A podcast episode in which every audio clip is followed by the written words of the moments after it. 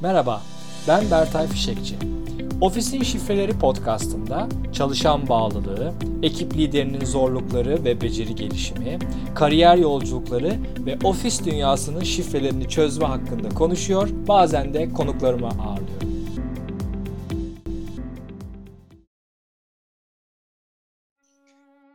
Bugün sizlere şirketinizde çalışanlarla ilgili görünmeyen maliyetlerin en büyüğünden bahsetmek istiyorum. Bu da kopuk çalışanların oluşturduğu kültürel maliyet. Öncelikle dönelim kopuk çalışanlar kimlerdir? Kopuk çalışanlar çalışan bağlı anketlerinde kırmızı diye nitelendirdiğimiz, onlara verilen görevin daha altında performans gösteren, genelde şirketlerinin misyon ve vizyonlarında kendilerine yer bulamayan, şirketlerine, müdürlerine, ekiplerine yaptıkları işe duygusal bağ sağlayamamış veya bu bağda, bu duygusal yatırımda eksiklik olan çalışanlardır.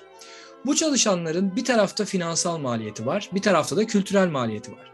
Finansal maliyeti 2017 yılında Gallup'un yaptığı araştırmaya göre bu kopuk çalışanların maaşlarının üçte biri.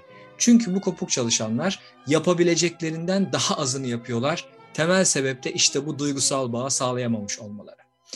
Peki şimdi bugünkü videoda ben biraz daha farklı bir şekilde kültürel maliyetlerden bahsetmek istiyorum. Bu kültürel maliyetler nedir, ne olabilir?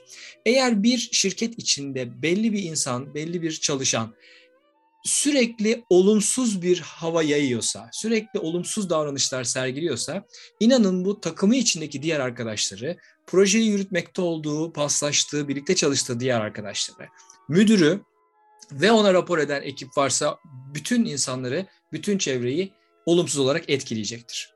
Peki üç örnekte acaba bu kültürel maliyetlerden nasıl örnekler verebilirim? Bir, örneğin bir arkadaşımız sürekli bu projeden bir iş çıkmaz. Bu projeyi bu şekilde yapamayız. Bu proje daha önce denendi olmadı.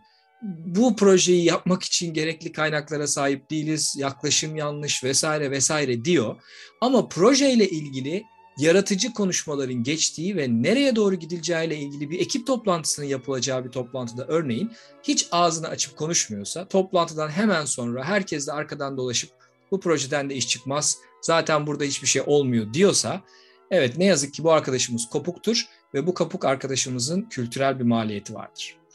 Diğer bir yaklaşım, diğer bir kültürel maliyet de şu.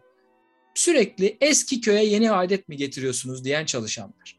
Bunlara şöyle bir örnek verebilirim. Uzun süredir aynı işi aynı şekilde yapan çalışanlarda bir tür iş körlüğü diyebileceğimiz bir yaklaşım gelişmiş olabilir. Bu arkadaşlarımız ben bu işi uzun zamandır böyle yapıyorum. Bu işin en optimum, en doğru yapılış şekli budur. E görüyorsunuz ben de uzun zamandır zaten bu görevdeyim. O zaman bu budur. Bununla ilgili yapılacak başka bir şey yoktur yaklaşımına girebilir. Ve ona müdüründen, yataylarından, ekibinden gelen geri bildirimlere kulaklarını kapatabilir. Ve bazen de diyebilir ki eski köye yeni bir adet mi getiriyorsunuz? İşte her şey çalışıyor, çalışan şeyleri bozmayın. Bu tür yaklaşımda olan çalışanların bu yeni ve daha iyi olan yöntemlere olan soğuk duruşu aslında kopuk olmalarının getirdiği bir kültürel maliyettir.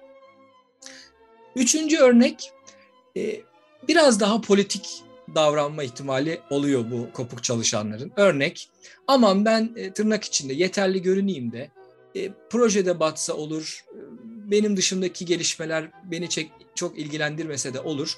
Ben iyi görüneyim, yeterli görüneyim veya ekibim iyi görünsün, yeterli görünsün şeklinde bir yaklaşıma giren çalışanlar olabilir. Bu da açıkçası yine kopuk olmanın verdiği bir kültürel maliyet. Çünkü bu şekilde düşünen çalışanlar bu takım duygusunu yaratamazlar. Eğer ekip liderleri ise ekiplerini bu takım duygusu içinde çalıştıramazlar, birlikte onlarla çalışamazlar ve sadece tek dertleri yeterli görünmek haline gelir ve bu da aslında performansta düşürecek çok e, bencilce bir yaklaşım olarak görülebilir. Büyük firmalarda, çok katmanlı firmalarda bu tür davranışlar hemen tespit edilip hemen e, eyleme geçiremeyebilir ve uzun süre e, örneğin bir yıl, iki yıl gibi uzun süreler belli çalışanlar devamlı bu davranışı gösteriyor olabilirler. Bunu tespit etmek ve bu da arkadaşlarımızla ilgili geliştirici bazı çalışmalar yapmak aslında son derece anlamlı olabilir. Bugün için tekrar sizi bu kopuk çalışanları nasıl tespit edeceğinizle ilgili bir öneriyle bakmak istiyorum. O da ücretsiz olarak sunduğum çalışan bağlı anketi. bertayfişekçi.com slash anket bertayfişekçi.com slash anket adresinden dolduracağınız kısa bir formla bana ulaşabilir. Şirketinizde istediğiniz sayıda çalışanın çalışan bağlılığıyla ilgili şu anki durumunu bir nabız anketiyle ölçebilir. Kopuk çalışanlarınızın yüzdesini tespit edebilir ve onlarla ilgili bir çalışma başlatmak üzere benimle görüşebilirsiniz. Teşekkürler, görüşmek üzere.